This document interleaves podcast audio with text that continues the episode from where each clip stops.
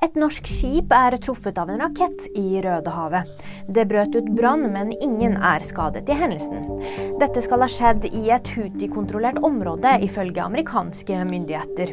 De har foreløpig ikke påtatt seg ansvaret. Gruppen er støttet av Iran og har den siste tiden angrepet flere skip.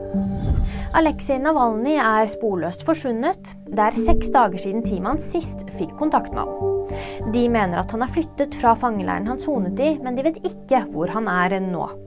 Den kjente opposisjonslederen og Putin-kritikeren soner flere dommer på totalt 30 år i Russland. Torsdag blir det Biden-avstemning. Representantenes hus skal stemme over om det skal settes i gang en riksrettsetterforskning mot USAs president. Dette skjer etter anklager om at Joe Biden har tjent penger på sønnens forretninger mens han var visepresident. Og nyheter finner du alltid på VG.